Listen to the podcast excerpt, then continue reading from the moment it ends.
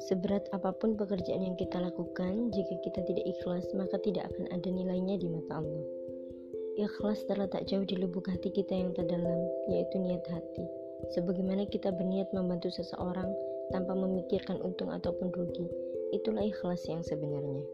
Kebanyakan dari kita ketika membantu seseorang mungkin cukup realistis dengan berpikir yang penting tidak terlalu merugikan diri kita. Inilah susahnya mengamalkan ilmu ikhlas yang sesungguhnya. Sebenarnya memang sulit, tetapi bukan berarti kita tidak bisa. Kita harus memiliki keyakinan bahwa jiwa kita kuat dan mampu melakukan ini.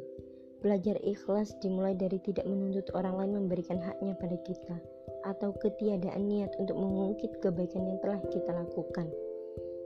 Ya, ikhlas juga bisa dimulai dari melakukan kebaikan dengan niat tanpa ingin mendapatkan pujian sedikit.